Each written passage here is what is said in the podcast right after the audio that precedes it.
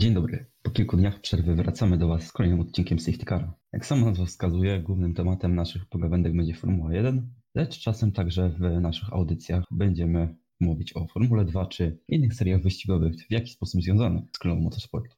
Ja nazywam się Dawid Stelnicki, a dziś moimi i Państwa gośćmi są, mam nadzieję, jak zwykle, moi redakcyjni koledzy z serwisu igry.pl, czyli Antek Majewski. Dzień dobry. I Radek Łączkowski. Dzień dobry. Może zacznijmy od protestów. Tym razem to Renault miał protestować przeciwko Racing Point. Francuskiej stajni nie, się nie podoba to, że Racing Point skopiował elementy aerodynamiczne do Mercedesa. I jak myślicie, co Renault może potencjalnie na tym ugrać? I czy ta sprawa zostanie zamieciona pod dywan w związku z obecnymi wydarzeniami związanymi z koronawirusem? Czy jednak ekipa Lorenza Strolla poniesie konsekwencje swoich działań, a samo Renault zgłosi Racing Point po prostu za jakiś czas? Antek? Wiesz co, śledząc jeszcze to, co na przykład działo się w poprzednim roku, to nie wiem, czy pamiętasz, ale też po jednym z Grand Prix, to chyba było po Grand Prix w Japonii. W Japonii, tak? E, w Japonii, tak. Racing Point składało protesty przeciwko Renault i wydaje mi się, że tutaj o, troszeczkę tak. Renault teraz chce się odegrać. Natomiast, no jak na razie wiemy, e, jak na razie ten sezon to tak e, nie za bardzo w ogóle, nawet, no nawet się nie zaczął jeszcze i wiemy, że na razie Australia odwołana, już wiemy, że kolejne wyścigi są odwołane. Także tutaj takie protesty to myślę zbyt wiele nie będą znaczyć. Ale Radek, a ty chciałbyś jeszcze coś dodać w tej kwestii? Czy Antek wyczerpał już temat? Też właśnie chciałem przywołać temat ubiegłorocznej Japonii. Mi się wydaje, że biorąc pod uwagę to, że wszelkie nowinki techniczne i tak dalej z 2021 roku są przełożone. Mi się wydaje, że zespoły powinny nieco odpuścić właśnie z jakimiś protestami i tak dalej, bo jest, z jednej strony jestem w stanie zrozumieć e, Renault, że wiadomo, rok temu Mercedes po raz kolejny zaklasował całą stawkę i widać, że Racing Point po prostu w pewnym skopiowało bolid Srebrnych Strzał, więc jestem w stanie to zrozumieć, ale mi się wydaje, że biorąc pod uwagę to, jak ten sezon jest już zniekształcony praktycznie do granic możliwości. Mi się wydaje, że wszelkie właśnie interpelacje i tak dalej w tym roku obecnie są bez sensu. Być może w przyszłym roku FIA wyskoczy z jakimiś dyrektywami typu tak na przykład teraz mamy, że DAS będzie ograniczony. Może poniekąd zakaże się jakimś kopiowanie bolidów od innych ekip. O właśnie, dobrze, że wspomniałeś o tym systemie DAS, bo Właśnie tego się miało tyczyć moje kolejne pytanie, ponieważ jednak tym bardziej grzejącym tematem był ten e, potencjalny protest Red Bulla. Helmut Marko zapowiadał, że jeśli Mercedes by użył w Australii systemu DAS, to ten protestowałby użycie owego systemu i jest to o tyle dziwne, że przecież FIA wyraziła zgodę na używanie DAS w 2020 roku i że ta regulacja dopiero w 2021 zostanie, jakby to powiedzieć, hmm, kurczę, słów zgubiłem. Zakazana została. O, no, dokładnie. I to jest trochę dziwne właśnie, że Helmut Marko miałby teraz protestować ten system, nie uważacie? E, no tak, tak. Tutaj myślę, że powiedziałeś wszystko, co, co mogliśmy powiedzieć, no bo skoro e, już FIA się na ten temat wypowiedziało i wiemy, że od e, przyszłego sezonu ten system miał być zakazany, no to nie rozumiem, dlaczego teraz ktoś miałby protestować, tak? Mm, dokładnie. Jakby, jakby no Red Bull, Red Bull tak samo mógł paść na jakiś innowacyjny pomysł i, i zaimplementować go w swoim samochodzie. No a że akurat stało się tak, że to Mercedes takie coś wynalazł, no to teraz innym zespołom nie będzie się to podobać, bo, bo Mercedes ma nad nimi przewagę, no ale to nie jest powód do tego, żeby protestować, tylko czyli do tego, żeby zakasać rękawy i gonić. Dokładnie, to rozumiem o tyle, że faktycznie Red Bull chyba ma najwięcej do grania na tej sytuacji, ale jeżeli to nie zostało zakazane, to ja po prostu nie widzę sensu takiego protestowania, bo pewnie taka sprawa po prostu została przegrana przez Helmuta Marko i jego ekipę. No dobra, a jeszcze tak co do samego już systemu DAS, to myślicie, że może Mercedes faktycznie bez niego by nie był na tyle mocny, żeby Red Bull czy Ferrari były w stanie się też nie zbliżyć do stajni z Brackley? Na przykład Valtteri Bottas się wypowiadał tak, że jego zdaniem to za wiele nie zmieni. Radek?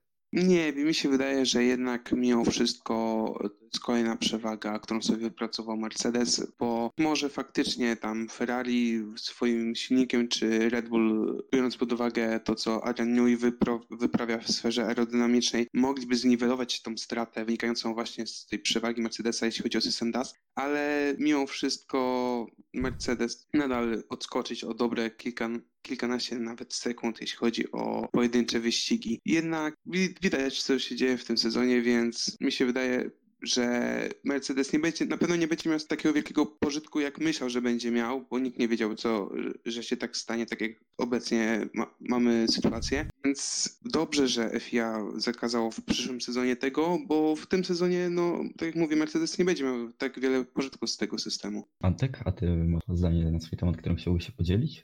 Mm, wiesz co, myślę, że zgadzam się z Radkiem akurat w tej kwestii. No, to co już miałem powiedzieć, to, to powiedziałem tak naprawdę na ten temat i tyle. No, zobaczymy. Myślę, że będą jeszcze w przyszłości takie sytuacje, kiedy e, niekoniecznie Mercedes, ale inne zespoły po prostu wpadną na jakiś pomysł, tak? Zresztą możemy tutaj przywołać ten podwójny dyfuzor e, z e, tego roku, kiedy Jenson Button zdobywał mistrzostwo. No i tam też przecież on tylko przez rok obowiązywał, tak? To w kolejnym roku także zostało zakazane, a widzieliśmy jaką wtedy Brown sobie wytworzył przewagę i jak to wyglądało. No i tam też wiadomo, że innym zespołom się to nie do końca podobało, no ale e, w koniec końców skończyło się na tym, że kolejne ekipy ten pomysł implementowały w swoich samochodach, tak?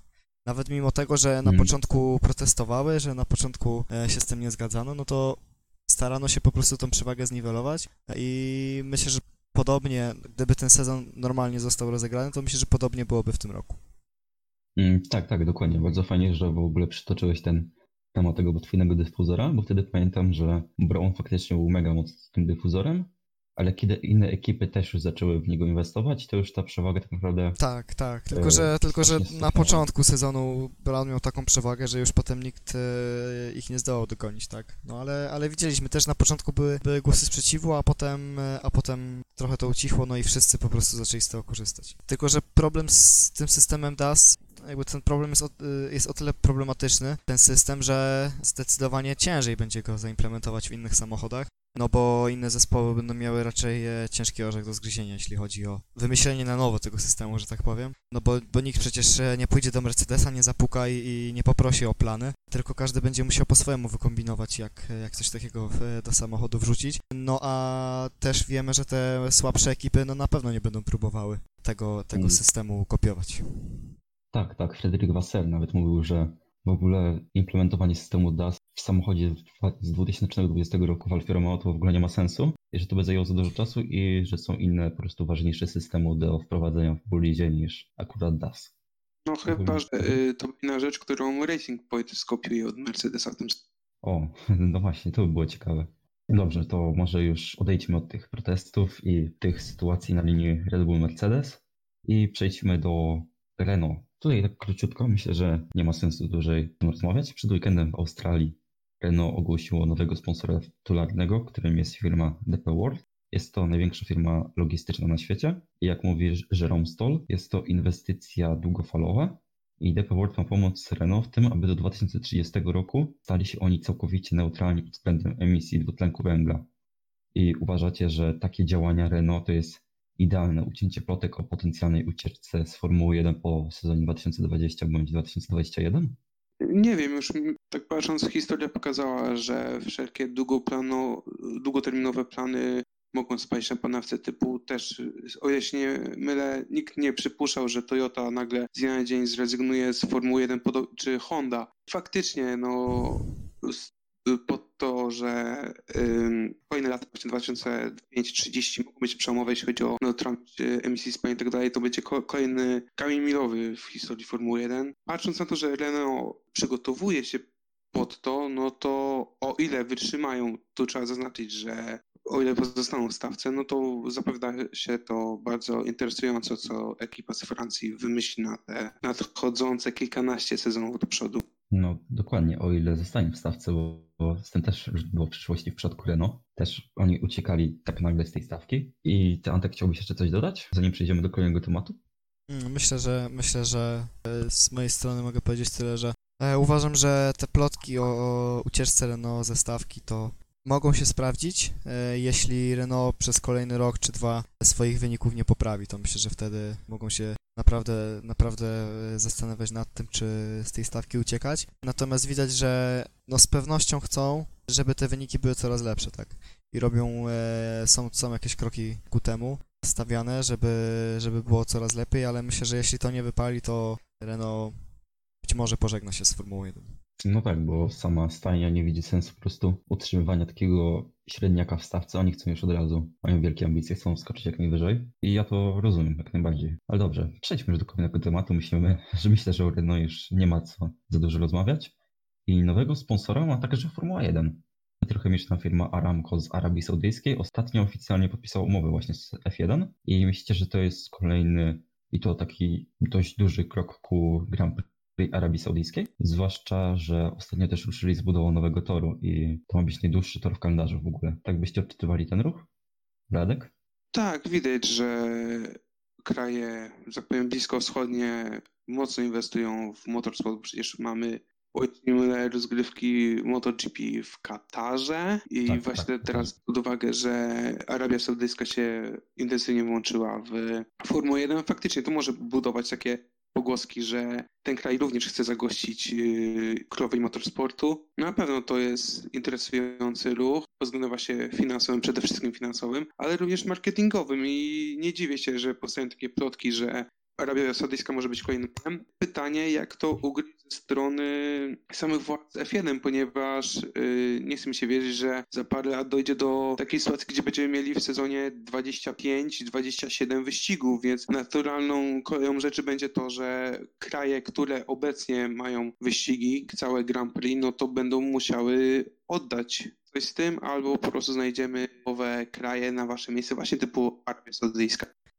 E, dobrze, a myślicie w ogóle, że Arabii mogliby to tak opakować, że takie Grand Prix mogłoby faktycznie być atrakcyjne dla kibiców? Czy byłby to kolejny taki tor, jak na przykład ten Sochi, na które nikt nie czeka i raczej u nikogo nie wzbudzają jakichś większych emocji?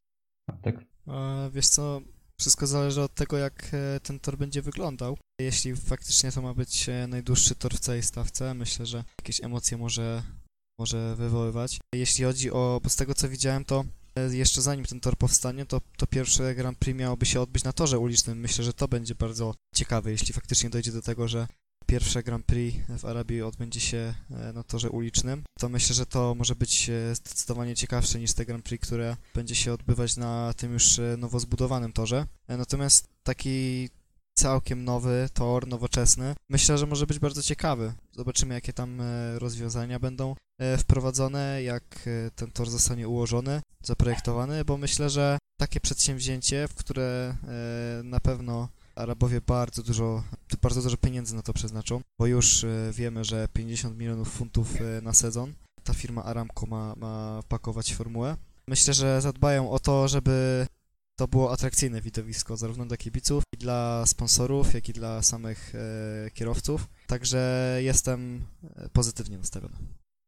A tak, jeszcze właśnie wspomniałeś o tym, że miałoby się częściowo rozgrywać na torze ulicznym przez jakiś czas. I już teraz są organizowane wyścigi na torach ulicznych w Arabii Saudyjskiej, ponieważ Formuła E tak, się ściga tak. na tej ulicznej nitce w Arabii. A ty, Radek, jak na to patrzysz, na taki pomysł, że Grand Prix Arabii miałoby wejść do Formuły 1? Nie chcę skłamać, ale mi się wydaje, że pewno ja się tak patrzę nieco sceptycznie, że mamy Grand Prix Bahrajnu, czy wcześniej Majstek, no po prostu takie nieoczywiste kraje, ale wbrew pozorom przyjemnie się właśnie Bahrain, a Malezja to już od kilku ładnych lat po prostu chcę, żeby wróciła do kalendarza, bo bardzo interesujący tor, dobrze go wspinam, jeśli chodzi o widowisko. Bahrain, no to wiadomo, też jest bardzo nieco specyficzny, ale również bardzo interesującą manitkę. Mi się wydaje, że Arabia może się wkręcić w ten trend. Tak, tak, zwłaszcza tak jak wspomniałeś, te tory azjatycko-arabskie, jakby to tak powiedzieć, że tak położone mniej więcej w tych częściach świata i Malezja, to były takie bardzo ciekawe i przede wszystkim bardzo nieoczywiste nitki miały te tory. Tak jak Malezja. Ja nie kojarzę takiego, takiego toru z takimi sekcjami jak w Malezji. Tak, bardzo, bardzo ciekawy. Jeszcze e, swego czasu Singapur też e, był dosyć ciekawy, bo jeszcze, jeśli, nie, jeśli się nie mylę, e, jeszcze zanim troszeczkę został przerobiony. Tak, tak, to dalej mnie się, mnie, się, mnie, się, mnie się podobał, tak. Tamta część nieprzerobiona z tą szykaną to była, była bardzo ciekawa. Tak, ale te przerobione też jest fajne, mi się dalej podoba. Chociaż faktycznie przyznaję tobie, że ta starsza część też jednak była ciekawsza no nieco, ale dalej się to fajnie ogląda. Dużo lepiej niż inne tory uliczne, chociażby w Monaco. Ogólnie to jest taka magia torów ulicznych, bo na przykład trochę, mi się wydaje, mam niepopularną opinię na temat torów w Walencji, gdzie wszelkie właśnie Grand Prix też mi się to przyjemnie oglądało. Właśnie duża liczba zakrętów, trochę technicznej sekcji, też było gdzie cisnąć gazodechy, więc Walencja też była bardzo interesująca. Wiesz co, tak y, mówisz Dawid o tym Monaco, no wiadomo, że Monaco to już, to już kultowy, y, kultowy tor, ale ja powiem szczerze, że jeśli miałbym wystąpić y, któryś z torów ulicznych, to zdecydowanie postawiłbym na Baku. Baku to jest chyba jedna z... No, myślę, że mogę nawet powiedzieć, że to najmniej mój ulubiony tor w całym kalendarzu. Szczerze mówiąc, w Baku się fajnie jeździ w grze, ale ogląda się tak trochę nieprzyjemnie, bo tak raczej poza, okej, okay, były dwa te dobre wyścigi, ale to raczej przez to, jak się kierowcy zachowywali na torze, a nie przez to, że po prostu tak, ta nitka tak. tego toru jest na tyle ciekawa i nieoczywista. A właśnie jeszcze co do toru Walencji, no niestety to było niemożliwe, bo on teraz jest tak naprawdę zniszczony już, już go tam prawie w ogóle nie ma. Ale gdyby powstała taka nitka jak Walencji, chętnie bym to oglądał. Może nieco szersza, ale wciąż uważam, że to ma potencjał na super ściganie się. Dobrze, przejdźmy do kolejnego tematu, którym będzie, będą gry. W 2022 roku na rynku ma się pojawić nowa gra związana z królową motorsportu i Liberty Media podpisała umowę z Frontier Development, który uzyskał licencję Formuły 1.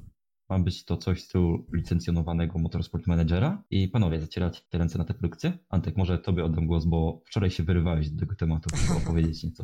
No nie, ja po prostu, ja po prostu trochę ten e, rynek znam, bo, bo sam grałem e, w takie różne e, menedżery, że tak powiem, nie tylko, nie tylko na komputery. Natomiast powiem tak, no troszeczkę sceptycznie jestem co do tego nastawiony, bo ta firma, to studio, które ma się zająć grą, czyli Frontier Developments, to nie jest studio, które, które specjalizuje się w grach takiej tematyce wyścigowej to oczywiście, wiadomo, że z pewnością menedżer Formuły 1, e, jeśli tak mogę powiedzieć, to z pewnością będzie gra, e, która będzie miała gdzieś tam w sobie elementy zarządzania, takie elementy strategiczne i faktycznie Frontier takie właśnie gry produkuje. To są, to można powiedzieć, taki e, duchowy spadkobierca kultowego Roller Coaster Tycoon.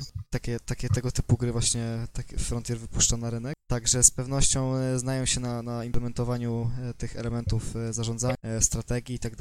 Natomiast jak to będzie wyglądać ze strony wyścigów, jak będą wyglądać same, same wyścigi, strategie wyścigowe, myślę, że tutaj z pewnością potrzebują ludzi, którzy się na tym znają, po prostu ekspertów od Formuły 1, tak jak możemy to zauważyć przy okazji tworzenia gry przez firmę Codemasters, czyli po prostu zwykłych ścigałych opartych o licencję Formuły 1. Tam e, sztab ludzi odpowiedzialnych, e, różnych ekspertów z dziedziny fizyki, którzy odpowiadają za to, jak te samochody działają, po prostu jak to wszystko wygląda, jakie czynniki na nie wpływają i tak dalej, to myślę, że tak samo tutaj będzie potrzeba grona ekspertów. No i szczerze powiem, że gdybym ja za to odpowiadał, to znalazłbym inne studio, chociaż PlaySport, które już e, wcześniej stworzyło Motorsport Manager, w którym też mogliśmy pograć, że tak powiem, w Formułę 1. E, dzięki różnym e, modyfikacjom, więc to raczej zwróciłbym się w stronę takiego studia, które już ma o tym jakieś pojęcie, niż całkowitego nowicjusza w takich grach wyścigo wyścigowych, no ale e, zobaczymy. Mają jeszcze dwa lata, bo dopiero w 2022 ma ta gra zostać wydana, więc zobaczymy, jak to będzie wyglądało. Mm, no właśnie, a czego się spodziewasz po tej grze, że to będzie taki motorsportowy Football Manager jednak, czy coś takiego mniej rozbudowanego? E, nie, nie, wiesz co, e, nie porównywałbym tego do Football Managera mimo wszystko, bo Football Manager bardziej, bardziej myślę, e, nie wiem czy wiesz jak wygląda mniej więcej Motorsport Manager, mhm, wiem, ale wiem, myślę, że, myślę, że bardziej, bardziej w tą stronę bym się kierował, natomiast e, z pewnością to nie będzie tak dobrze, w sensie nie będzie to klon na pewno Motorsport Managera, tego możemy być pewni, bo Motorsport Manager e, oprócz tych e, Formuły 1 i, i Formuły 2-3, można tak powiedzieć, to też skupia się na innych seriach wyścigowych, natomiast tutaj myślę, że będziemy mieli całkowite, no całkowicie skupią się na, na oddaniu tego klimatu Formuły 1 i teraz zastanawiam się, jak to będzie mm, z tą licencją, bo wiemy, że Codemasters miało drobne problemy przez lata, jeśli chodzi o niektóre rzeczy, na przykład e, pokazywanie wypadków, gdzie do dzisiaj w grze e, tak naprawdę nie możemy się tak całkowicie rozbić e, bolidem. Wiadomo, że te kraksy są gdzieś tak w taki sposób ukazane, żeby nikomu nie działa się krzywda, żeby to tak e, źle nie wyglądało. Także obawiam się, że też może nas taka lekka cenzura, że tak powiem, spotkać w menedżerze. Chociaż wiadomo, no, że nie, nie, nie, nie o kraksy. a nie przez samą licencję. Myślę, że tak, myślę, że to też e, w jakimś stopniu, no ale wiadomo, że to troszeczkę realizmowi no odbiega po prostu trochę od realizmu. Natomiast e, jeśli chodzi o to, jak mówisz, Football Manager, no w Football Managerze mamy bardzo dużo zmiennych, tak? Tam przede wszystkim chodzi o zawodników, budowanie klubu na, na i opieranie ich o zawodników, a tutaj kierowcy z pewnością też będą mieli swoje statystyki, tak jak w Motorsport Managerze, ale myślę, że to bardziej z tego football managerowego aspektu po prostu konstruowania drużyny, to będzie bardzo daleko od tego oddalone i raczej skupimy się tutaj na budowaniu samochodu, na relacjach ze sponsorami, kontraktach i tak dalej i na tej może też więcej tego aspektu inżynierskiego zostanie dodane, e, a nie takiego typowego e, budowania po prostu całego zespołu jako całości gdzieś tam oparte o kierowców i tak dalej. Ja chętnie bym też ujrzał te licencje na te takie juniorskie serie, jak Formułę 2 i Formułę 3. I właśnie, właśnie o to się troszeczkę boję, wiesz? Właśnie o to też, się boję, też, bo właśnie. jak wiemy w tej grze wyścigowej Formuła 1 od, od Codemasters, dopiero w tym roku e, ujrzeliśmy, użyliśmy Formułę 2, gdzie na przykład porównując do e, MotoGP, tam już mamy całą ścieżkę, tak? Od, od juniorskich przez tą trójkę, dwójkę, aż do, aż do MotoGP dochodzimy. No w Formule 1 tak, tego... nawet MotoGP E tak, tak. I w Formule 1 tego nie mieliśmy, tak? E, przynajmniej e, do tej pory, bo teraz mamy Formułę 2, ale ta Formuła 2 też jest tak e, zaimplementowana, że tak w zasadzie nie, nie, nie możemy się poczuć jak kierowca Formuły 2 pełnoprawnie, tak? Natomiast myślę, że myślę, że to byłby na pewno bardzo dobry ruch mm, ze strony e, producenta, jeśli udałoby się e, zaimplementować te serie juniorskie, gdzie kierowcy by przechodzili. Natomiast e, też trzeba spojrzeć pod takim kątem, że w Motorsport Managerze mogliśmy ustalać e, swoje warunki, tak? Na przykład e, gdzieś tam wrzucając sobie do gry Formułę 3, Formułę 2, Formułę 1. E, zaczynając w Formule 3 mogliśmy tak naprawdę sobie stworzyć taki system spadków i awansów, niczym w piłce nożnej, gdzie mogliśmy przechodzić, wygrywając na przykład daną serię, mogliśmy przechodzić coraz wyżej, tak, aż doszliśmy do Formuły 1. No wiadomo, że z realizmem to nie ma zbyt wiele wspólnego, więc myślę, że te ruchy pomiędzy seriami odbywałyby się tylko na przestrzeni kierowców więc mm. moglibyśmy obserwować, jak ci kierowcy gdzieś tam e, wchodzą coraz wyżej. Może moglibyśmy też mieć e, coś takiego, że moglibyśmy wystawić drugi zespół do na przykład, żeby konkurował w Formule 3 albo w Formule 2, gdzie nasi, nasi kierowcy się po prostu rozwijali i skąd moglibyśmy brać kierowców, tak? Wiemy, że e, Ferrari ma swoje przecież e, zespoły juniorskie, czy Mercedes na przykład ma swoje programy, tak? Z których biorą kierowców, więc to też byłby, też byłoby coś fajnego do wrzucenia, z czego moglibyśmy korzystać. No ale tak jak mówię, obawiam się, że będzie to skupione tylko i wyłącznie na Formule 1 i boję się, że po prostu ta rozgrywka po jakimś czasie stanie się nudna. Tak, zwłaszcza, że nawet teraz w tej Formule 1 od Masters możliwe są transfery, ale tylko między kierowcami Formuły 1 i nie mogą wchodzić tak jakby do Formuły 1 kierowcy z Formuły 2 w samej tak, grze. Tak, tak.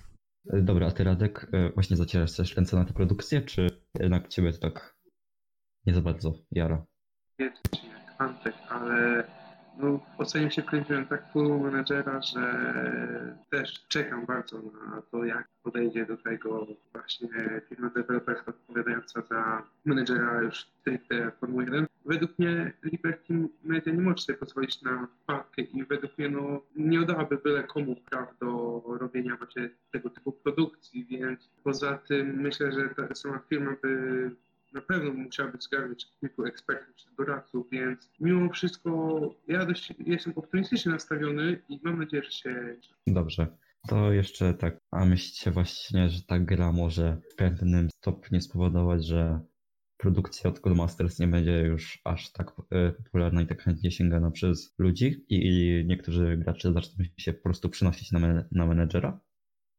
Antek? Wiesz co, myślę, że to są zupełnie dwa różne gatunki, bo tutaj mamy grę typowo wyścigową, wyścigową, no, w której wiadomo, można powiedzieć zręcznościową, tak, bo, bo chodzi o to, jak dobrze, jak, jak dobrze kierujemy bolidem, a z drugiej strony mamy grę taką odbywającą się na płaszczyźnie typowo strategicznej, e, ekonomicznej, także, także dwie zupełnie inne bajki. Natomiast pewnie część ludzi, którzy na przykład e, od dawna chcieliby ujrzeć w grze od Codemasters tak trochę tego czynnika właśnie strategicznego, ekonomicznego. Na przykład e, wiele ludzi ma taki pomysł, żeby do gry zaimplementować i to podsuwają twórcom, bo mówię o ludziach, którzy gdzieś tam wybili się na grze, na YouTubie czy, czy w mediach, czy esportowcy to niektórzy mają takie pomysły, żeby na przykład wrzucić do gry możliwość stworzenia własnego zespołu i myślę, że to też nie jest taka odległa przyszłość, kiedy w, w trybie kariery na przykład będziemy mogli poprowadzić swój własny zespół, tak? E, gdzieś tam zacząć z samego dołu stawki, e, od najgorszego samochodu i ten, ten samochód ulepszać, aż w końcu będziemy gdzieś tam konkurować z Mercedesem. I tak jak mówię, nie są to na pewno gdzieś tam plany odległe. E, można by coś takiego zrobić, bo już mamy przynajmniej w trybie e, sieciowym możemy swój własny samochód jakoś dostosowywać, e, malować i tak dalej. Możemy kierowcę ubierać tak naprawdę też, bo, bo mamy różne kombinezony, mamy różne do wyboru, tak, różne stroje. Natomiast teraz, w obliczu tego, że powstanie ta gra, to myślę, że Codemasters z pewnością nie zdecydują się na coś takiego, bo ludzie, którzy chcieliby zobaczyć e, w Formule 1 taki aspekt, no to mogą teraz się przerzucić na menedżera, tak? Też wiemy, że, że Codemasters akurat, akurat e, bardzo mocno na realizm stawia, więc myślę, że to będzie zupełnie inne grono fanów i tylko część fanów tej menedżerki to będą ludzie, którzy przerzucają się albo łączą wyścigowe F1 z e, tym menedżerem. Dobra, Pozostańmy jeszcze na chwilę w temacie gier. F1 ogłosiło dosłownie kilkanaście minut przed rozpoczęciem nagrywania, że wraz z Grand Prix Bahrainu 22 marca ruszy wirtualna liga w grze F1 2019, także z udziałem kierowców obecnych w stawce. Esport to taka dziedzina, w którą powinna pójść teraz Formuła 1 i jak myślicie, których kierowców ujrzymy w tej lidze? Oczywiście nie licząc Lando Norrisa, bo to jest oczywiste, myślę.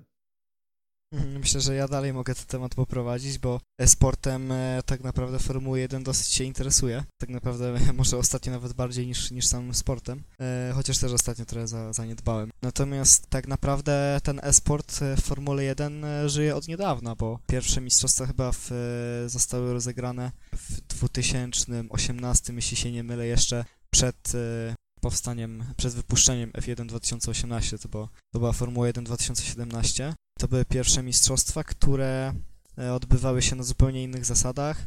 No można powiedzieć, że no wiadomo, wygrał e, najlepszy kierowca, najlepszy kierowca, e-kierowca może, że tak powiem, e, na świecie. Natomiast no zasady były dosyć proste, tak? Każdy mógł wziąć udział, mieliśmy kwalifikacje na różnych konsolach, potem 20 najlepszych kierowców ścigało się w wielkim finale. Jeśli dobrze pamiętam, to było 20. Natomiast potem spodziewałem się, że tego typu zawody będą kontynuowane po prostu, czyli że każdy będzie mógł wziąć udział w kwalifikacjach, potem osoby z najlepszymi czasami będą mogły konkurować w wielkim finale. Chyba nie, chyba to było 18, 18 zawodników, 6, po 6 z każdej platformy, tak? PlayStation, Xbox i, i PC. Tak, tak mi się wydaje, że to właśnie tak było. E, natomiast wracając, nie spodziewałem się tego, co zrobiła Formuła 1, bo Formuła 1 e, bardzo dobrze to rozegrała według mnie, czyli wciągnęła realne, prawdziwe zespoły zestawki wciągnęła do tego świata esportu i tak każdy zespół, oprócz Ferrari, miał swój własny zespół esportowy. I teraz, aby jeszcze bardziej uatrakcyjnić te rozgrywki, zespoły nie mogły wybrać można powiedzieć, że mogły wybrać kogo chciały, natomiast było ograniczone grono kierowców. Nie można było zakontraktować na przykład, nie wiem, kierowcy, który jeździł na symulatorze, żeby jeździł w serii esportowej, tak? Mieliśmy ponownie, wszyscy tak naprawdę z całego świata e, ludzie mogli wziąć udział w otwartych kwalifikacjach, które się rozgrywały tam na przestrzeni kilku miesięcy. I potem kilkudziesięciu uczestników spotykało się razem e, na takich specjalnych dniach testów, rywalizowali ze sobą. I na sam koniec zespoły w takim, można to powiedzieć, no w drafcie, dosyć popularny w Ameryce przynajmniej, w drafcie wybierały zawodników e, do swoich samochodów. Wiadomo, że miejsc było 18, zawodników było prawie 50 z tego co pamiętam. No i niektórzy, większość przynajmniej musiała jechać do domu, ale niektórzy zostali i faktycznie rywalizowali. Od tego roku włączyło się także Ferrari do stawki, także mamy już 20 hmm. miejsc. No i y, uważam, że to jest jak najbardziej bardzo dobre e, rozwiązanie, bo ci zawodnicy, którzy tak naprawdę, no nie wiem, mamy rok 2020, oni tak naprawdę 3-4 lata temu nawet nie mogli liczyć na oficjalne, na, na zarabianie, tak? Po prostu y, przez, przez granie w Formułę 1. Były, wiadomo, były ligi organizowane przez ludzi, pewnie mieliśmy też ligi, gdzie stawką były jakieś pieniądze, ale to nie były duże pieniądze, bo, bo to sami ludzie sobie sponsorowali, tak? Wiadomo, tak jak, tak, tak jak początki każdego e-sportu tak naprawdę. Natomiast kiedy włączyło się w to faktycznie Codemasters, kiedy Formuła 1 się do tego dołączyła, to już tam w grę zaczęły wchodzić o wiele większe pieniądze i tak naprawdę na przestrzeni trzech lat ludzie, którzy hobbystycznie ścigali się w Formułę 1, po prostu dla siebie, można tak powiedzieć, sobie rywalizowali, stali się no na, w takiej przestrzeni, przynajmniej e, tych ludzi zainteresowanych, no gwiazdami. To wcale nie mojego formatu, bo tam dosyć dużo osób śledzi, przynajmniej, może nie każdy wyścig, ale przynajmniej finały tych, e, tych zawodów e, śledzi dosyć dużo osób i już e, podczas pierwszych finałów też bardzo dużo osób oglądało, oglądało tą rywalizację, 18 uczestników, także mam nadzieję, że jeszcze bardziej się to rozwinie, że być może zespoły spoza tej prawdziwej stawki zaczną dochodzić, albo gdzie mieli jakieś roszady. Nie wiem, jak formuła to rozwiąże, ale mam nadzieję, że to jeszcze bardziej będzie się rozwijać. Tak, tak. Też uważam, że bardzo fajnie, że się otwierałem na, na ten rynek. I właśnie fajnie też, że o tym powiedziałeś, że faktycznie ci kierowcy, którzy jeździli na bardzo dobrym poziomie jeszcze 2-3 lata temu. Prawda nie mogli myśleć w ogóle o żadnym zarobku. Tak teraz mogą z tego spokojnie się utrzymywać tak, jak tak. gracze co, wielu innych gier. Co jeszcze mogę dodać, bo całkiem wypadło mi to z głowy, dla tych ludzi to jest fantastyczna przygoda, bo nie podpisują kontrakt z prawdziwym zespołem Formuły 1, tak jak tak. zawodowy kierowca, tak jak Sebastian Vettel, tak jak Lewis Hamilton, oni przyjeżdżają do kwatery, do siedziby zespołu i tam razem siadają sobie, można tak powiedzieć, tak? Możemy to sobie wyobrazić, że po lewej stronie siedzi Lewis Hamilton, po prawej Valtteri Bottas, wszyscy podpisują kontrakt razem z nim, po prostu staje się częścią zespołu, tak, ten kierowca. Nawet mimo tego, że to jest, tak, no, że to jest kierowca sportowy, to staje się częścią zespołu. I już nie pamiętam, teraz wypadło mi nazwisko, ale był jeden Holender, który też ścigał się tam e, w tych zawodach sportowych. Wiesz co, on się chyba się ścigał, tak? Proszę? Muszę mylić. On chyba jest kierowcą Hasa, jeśli się nie mylę. Wiesz co, nie pamiętam, już teraz całkowicie tych, tych faktów nie, nie kojarzę, bo to, było, bo to było na początku, ale on przecież to tak wiadomo, można powiedzieć, że no, ścigają się na komputerach, prawda, co oni potrafią w prawdziwym życiu. No, Holender wsiadł do, do prawdziwego samochodu, kiedyś został wysłany na zawody, to zrobił furorę i to można gdzieś znaleźć na YouTubie. Postaram się to gdzieś potem, e, gdzieś potem tego poszukać. Ale autentycznie, kierowca esportowy, który wsiadł do samochodu, akurat e, to były samochody zamknięte, no to potrafił pokonać innych z lepszych kierowców gdzieś tam w stawce, także...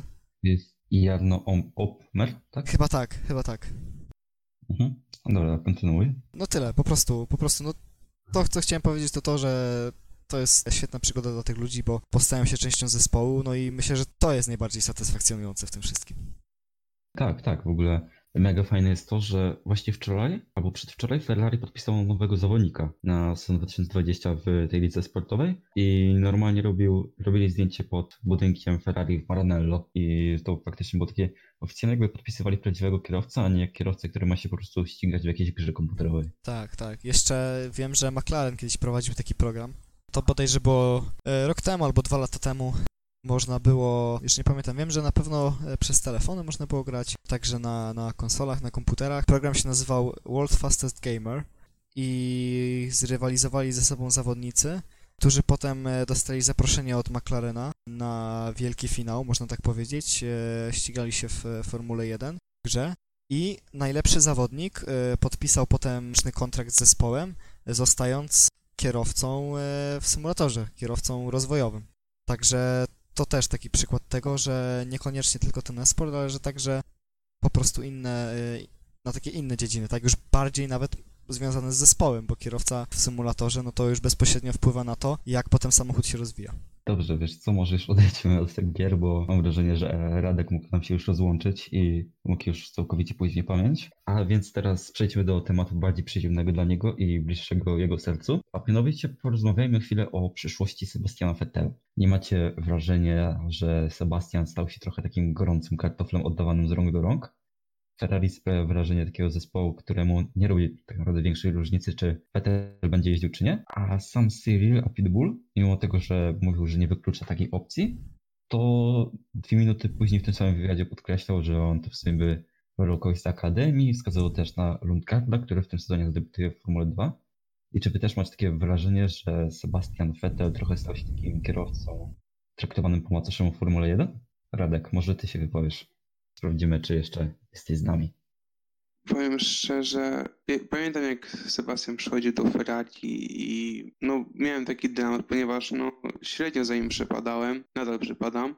Jak przychodził do Ferrari, no to wiadomo, z jednej strony zamiłowanie do czerwonych barw, ale z drugiej strony, no, ten Sebastian, szkoda gadać. No, w 2018 pokazał, że no, coś jest z nim wyraźnie nie tak, że no, ma, nie wiadomo, czy prawdopodobnie to jest problem mentalny, żeby, nie powiedzieć psychiczny, ale no coś wyraźnie pękło. Widać, wiadomo, że ma umiejętności, ale no coś z nim jest tak.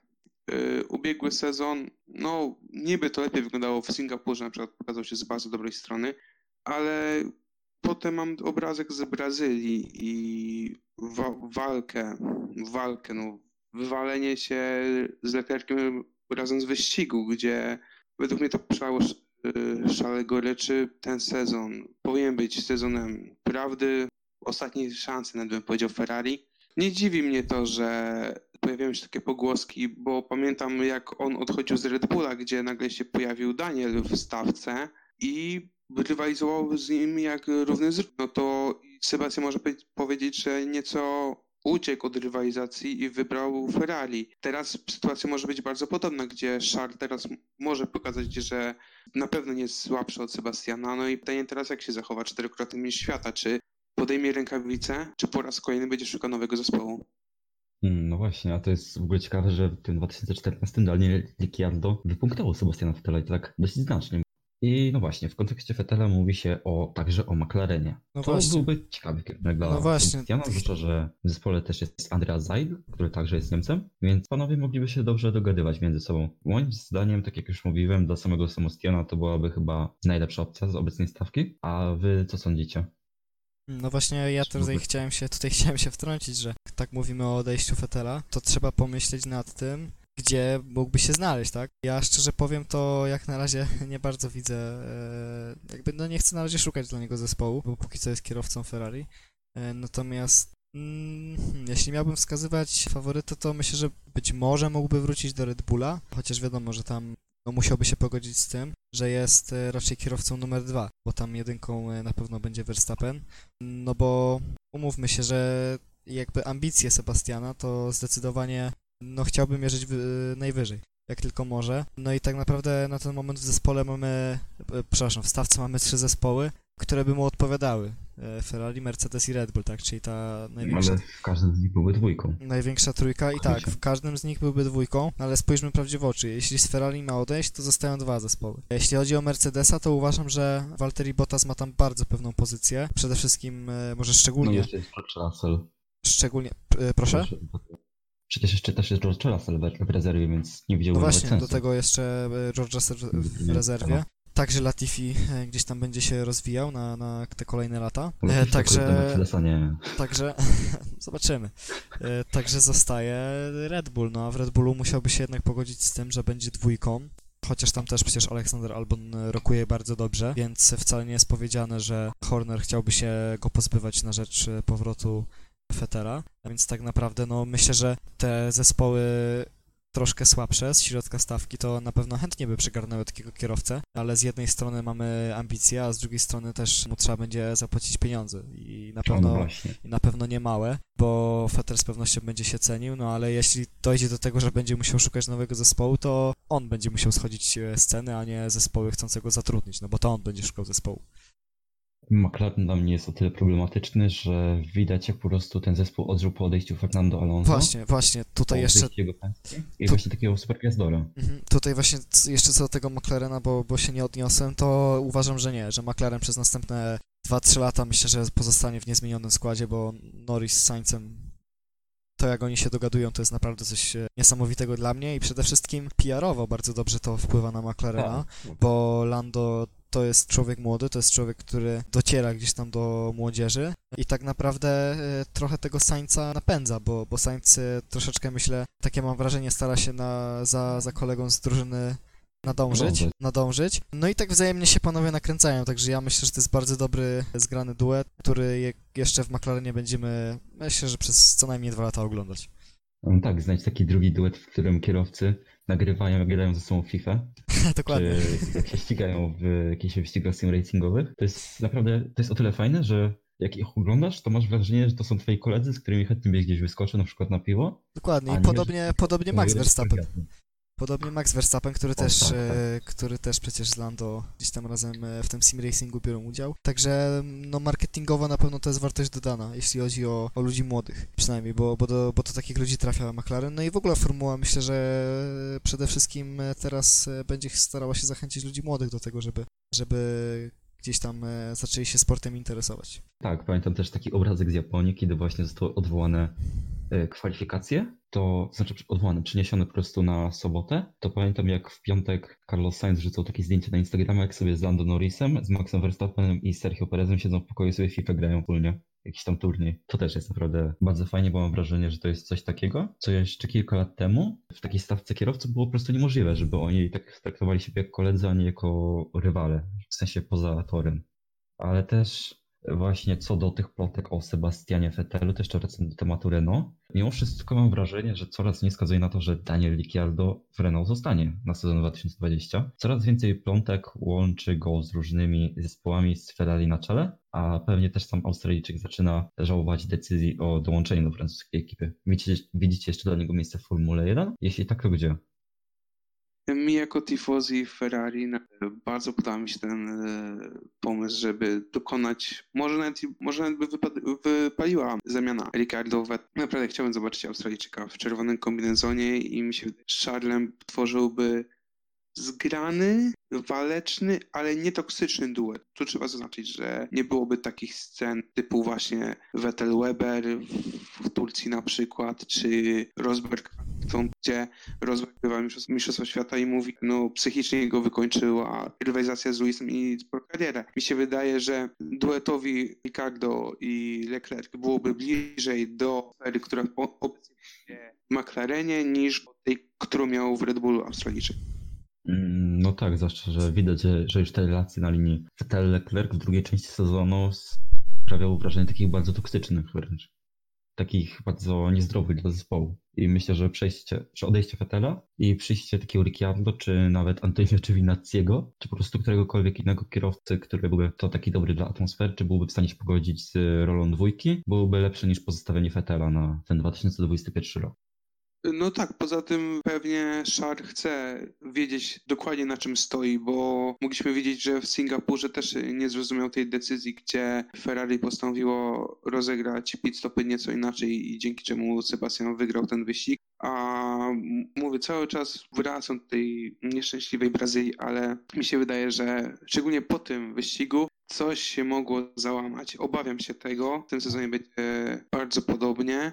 Przecież też pamiętamy sytuację, o ile się z Bahrajnu, gdzie też rozgrywki między Sebastianem a Charlesem nie były aż tak jasne. Jeden drugiego miał się przepuszczać Team Order, później się wyprzedzali wzajemnie, no to z jednej strony dla kibica to jest super, że ma rywalizację wewnątrz zespołu, ale z drugiej strony postawmy się w sytuacji strategów, czy nawet samego Binotto, gdzie no musisz rozstrzygnąć kogo kto ma być jedynką, a kto dwójką. I to jest taka bardzo niejasna sytuacja. Głównie dla Charla, ale Sebastian też mi się wydaje, że albo powinien się usunąć w cień, brzydko mówiąc, albo po prostu się faktycznie weźmie w gaś, a przed Leclerciem na pewno jeszcze kilka lat dobrej jazdy na wysokim poziomie i na pewno jego czas jeszcze nadejdzie. No tak, ale też widać jak sobie z tym konfliktem bardzo nie radzą Ferrari. Ja sobie przypominam Grand Prix Rosji, kiedy e, na starcie Sebastian Vettel wysunął się przed Charlesa Leclerca i przez kilka okrążeń dostało polecenia, żeby puścić Leclerca, a ten tego nie robił, po czym postanowili po prostu później pistol Vettela, żeby ten wyjechał za Charlesem. I też właśnie przez te swoje gierki strategiczne oni wielokrotnie tracili pozycję. Na przykład Leclerc lądował za Verstappenem, czy Vettel lądował za kierowcą Red Bulla. Dużo głupich punktów stracili tylko i wyłącznie przez te decyzje strategiczne i przez to, że nie mają takiej jasnej, klarownej jedynki w zespole, moim zdaniem. O właśnie, no to była ta sytuacja z Rosji. Właśnie nie pamiętam gdzie, ale faktycznie przypomniałeś mi, że to była Rosja. Tak, y, widać, że ten niejasny podział, no na pewno pozytywnie nie wpływa na sytuację we włoskiej ekipie, więc mi się wydaje, że albo dojdą do jakiegoś porozumienia w tym sezonie, albo faktycznie trzeba będzie poważnie zastanowić się nad zmianą kierowcy. No na pewno no, nie zrezygnują z Szarla, więc trzeba będzie poszukać jakiegoś zastępstwa dla Sebastiana. E, dobrze, już powoli dobijamy do końca, ale przed tym jeszcze porozmawiamy także o bolidach, ponieważ wczoraj dostaliśmy od F1 potwierdzenie tego, że bolidy w sezonie 2021 pozostaną bez zmian, to znaczy w sensie chassis, z 2020 przejdą na 2021 i cała ta rewolucja zostanie przeniesiona na 2022 rok aby zespoły poniosły jak najmniejsze straty. Uważacie, że to dobra decyzja? Antek, może ty się pierwszy wypowiedz? No tak, myślę, że tak. To już e, coś, o czym mówiliśmy ostatnio. Czyli no po prostu ten sezon 2020 raczej minie nam pod znakiem koronawirusa i pod znakiem tego, że zespoły po prostu mają teraz na głowie inne problemy niż budowa bolidu, ta rewolucja w 2021 teraz już w 2022, ale wcześniej zaplanowała na 2021, no i przede wszystkim e, fabryki stanęły, tak?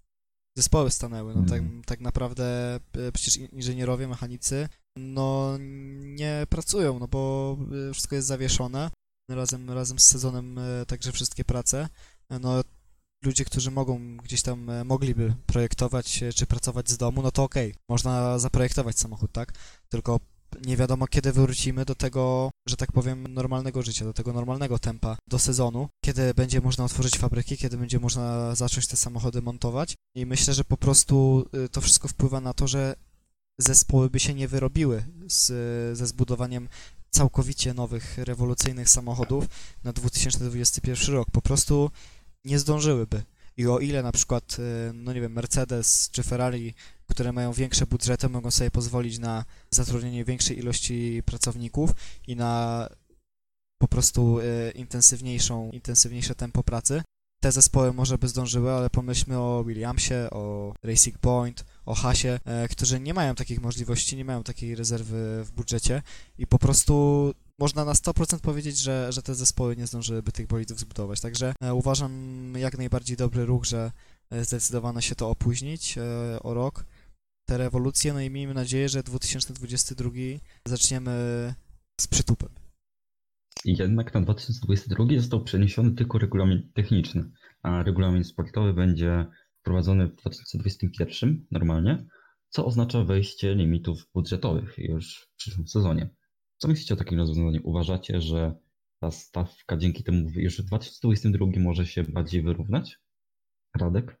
Mm, na pewno. Y, mi się wydaje, no tu mogę się podpisać pod słowami Antka, że mm, to przesunięcie wszelkie właśnie tych nowinek technicznych o rok do, do przodu na 2022. Każdy jest wygrany w tej sytuacji, no oprócz kibiców, ale to tylko przez liczmy 2-3 miesiące właśnie możemy czuć taką pustkę, że po prostu zostało przesunięte, ale tak, zespoły będą miały więcej czasu na przygotowanie się, mogą rozłożyć w czasie budżety, y, projekty, i tym podobne. Również właśnie kontrakty kierowców mogą być inaczej skonstruowane. Y, no widać, że obecna formuła potrzebuje wyrównania stawki i myślę, że to nadejdzie.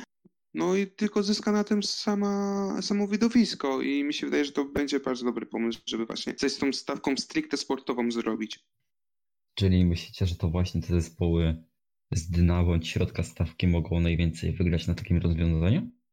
Yy, tak, bo mi się wydaje, że obecne różnice po prostu wynikają nie tyle z, z możliwości i umiejętności kierowców, co po prostu z technicznych rozwiązań danych, zespołów. No faktycznie, patrząc na, nie wiem, Grożana, czy wszystko na to wskazuje w tym sezonie Latifiego, faktycznie można mieć wątpliwości, ale weźmiemy na przykład takiego Pereza, Magnusena, czy właśnie y, dwójkę z McLarena, mi się wydaje, że gdyby możliwości ich bolidów byłyby wyższe, no nie odbiegaliby tak znacząco umiejętnościami i wynikami od czołówki.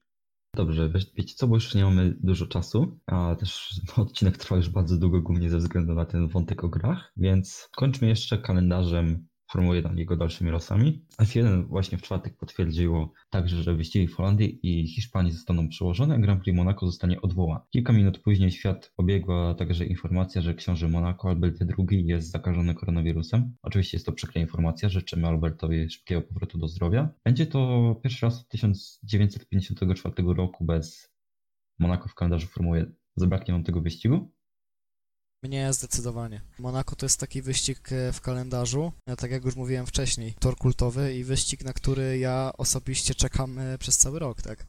To jest, to jest taka perła w koronie, można powiedzieć, Formuły 1, nawet mimo tego, że często jest krytykowany ten wyścig za to, że, że jest nudny, że nic się nie dzieje, tak się mówi, no ale zobaczmy ostatnie, ostatnie kilka lat, jak dużo się działo, tak? Choćby ta przegrana przegrana e, Sebastiana Vettela. E, czy też... Ricciardo? Przepraszam, e, przepraszam, tak, tak, przegrana Ricardo, czy po prostu, no, za każdym razem e, w tym Grand Prix coś się dzieje. Mówi się, że znowu to nudne Monaco, że znowu nic się nie będzie działo, ale za każdym razem mamy jakiś twist. A to jakiś wypadek, a to ktoś spektakularnie odpada, a to ktoś przegrywa. I... A to Luis jadący na innych oponach cały tak, wyścig. Tak, i za każdym razem po prostu coś, a najlepszy, najlepszy według mnie jest ten moment kulminacyjny, kiedy zawodnicy zaczynają zjeżdżać do pit stopu i kiedy zaczyna się te strategiczne myślenie. To po prostu jest pięknem, uważam, tego, tego toru, dlatego mi na pewno będzie brakowało Monako w tym roku, no ale niestety takie okoliczności. Uważam mimo wszystko, że to jest dobra decyzja. E, no a tak jak wspomniałeś, Albertowi życzymy wszystkiego, wszystkiego dobrego i powrotu do zdrowia. A co ciekawe, to jeszcze tego samego dnia, tylko że kilka godzin wcześniej Pirelli w ogóle podał mieszanki, które będą używane. Nie uważacie, że to jest kolejna taka bardzo dziwna informacja? No tak, tak. Myślę, że, myślę, że trochę wtopa, bo Pirelli podaje mieszanki na wyścig, który kilka godzin później zostaje odwołany, także e, no trochę nieporozumieniem. E, Radek, ty jeszcze tutaj chcesz coś dodać w temacie Monako? Tak, mogę do po prostu zaryzykować śmiałe stwierdzenie, że nie ma kibica Formuły 1, który by nie tęsknił za Monako. Obok Moncy to jest jeden z kultowych wyścigów. Przecież faktycznie widzieliśmy nawet w ostatnich latach, czy to, że y, Giovinazzi Kubice i po prostu pewna część stawki stała zakorkowana w ostatnim sektorze, czy właśnie tutaj wspomniany wyścig y, Daniela, który no, przez pit stop był praktycznie, można powiedzieć, że zrujnowany. Właśnie rozgrywki strategiczne, przybijanie się Leclerca w ubiegłym roku też było spektakularne, więc tak naprawdę można powiedzieć, że... Spektakularnie też się skończyło. No tak. No to pominę, że mogę zaryzykować i powiedzieć, że według mnie chyba w ostatnich latach nie pamiętam sytuacji, gdzie coś, y, jakieś wydarzenie związane z Monaco nie nużyło y, kibiców. Zawsze coś się działo. Czy właśnie pamiętam, że Baton obrócił Verlaina tu przy basenie i o, tak, tak. O, tak, tak. leżał y, obrócony i oparty tak naprawdę o płot, czy pojedynek Schumachera z Montoją w tunelu. No, tak naprawdę dostajesz hasło Monaco i masz tyle skojarzeń, że to jest głowa mała. Albo Senna w ogóle też. Tak, Senna te wyścigi, czy rozwalając w 88, kiedy miał minuty już przewagi nad prostem. Tak, albo właśnie te, w ogóle jak jest w deszczu, czy właśnie Kubica z masą, o jeśli nie w 2008. W 10 chyba to już było, tak. A nie, tak, w 2008, przepraszam.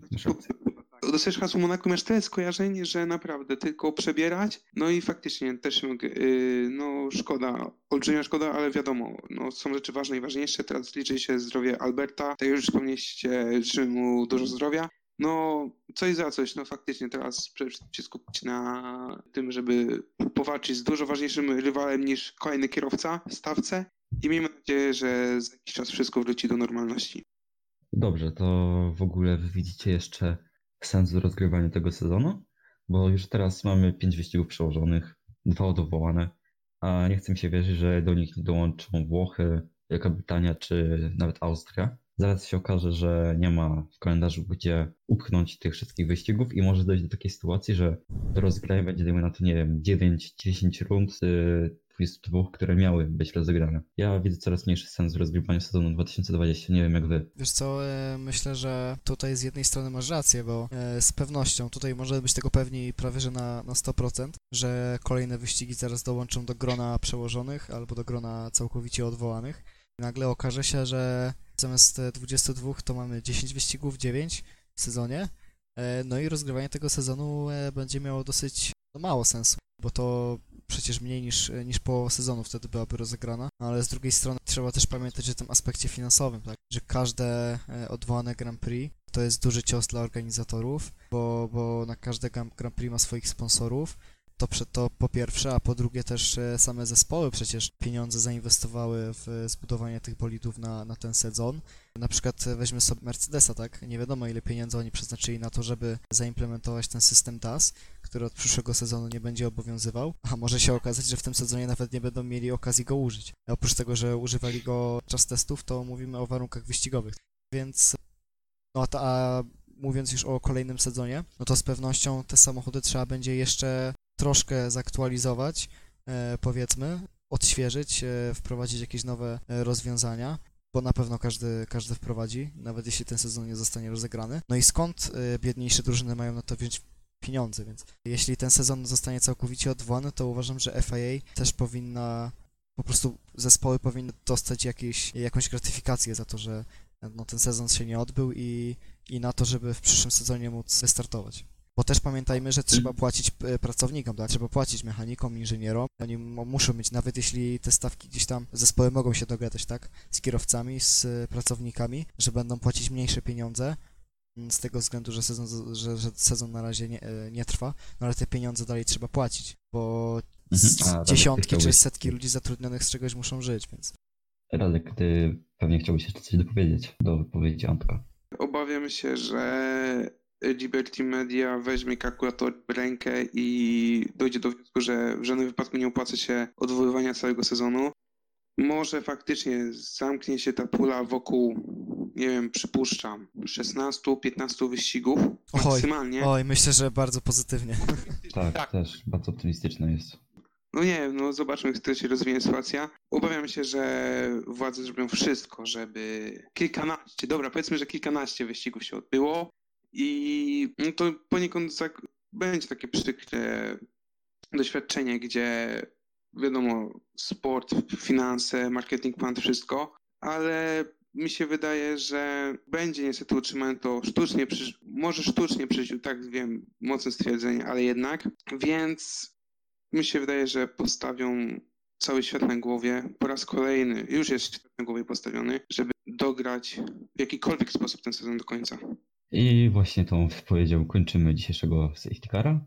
Następne odcinki będą się pojawiać wraz z kolejnymi wiadomościami ze świata F1. Ciężko nam tak naprawdę powiedzieć, kiedy się pojawi kolejny epizod, ponieważ to tak naprawdę wszystko zależy od tego, ile informacji dostaniemy i kiedy będziemy mieli ich tyle, że będziemy spokojnie w stanie nagrać ten 30-40 minutowy podcast. I pamiętajcie, że możecie nas odsłuchać na Spotify i Ankorze oraz także od teraz na Google Podcast. Mamy, mamy nadzieję, że też niedługo pojawimy się na YouTubie i innych popularnych platformach. To tyle od nas na dziś. Moimi oraz Państwa gośćmi byli Radosław Łączkowski. Dziękuję bardzo. I Antek Majewski. Dziękuję bardzo. Dziękujemy i do usłyszenia już niebawem.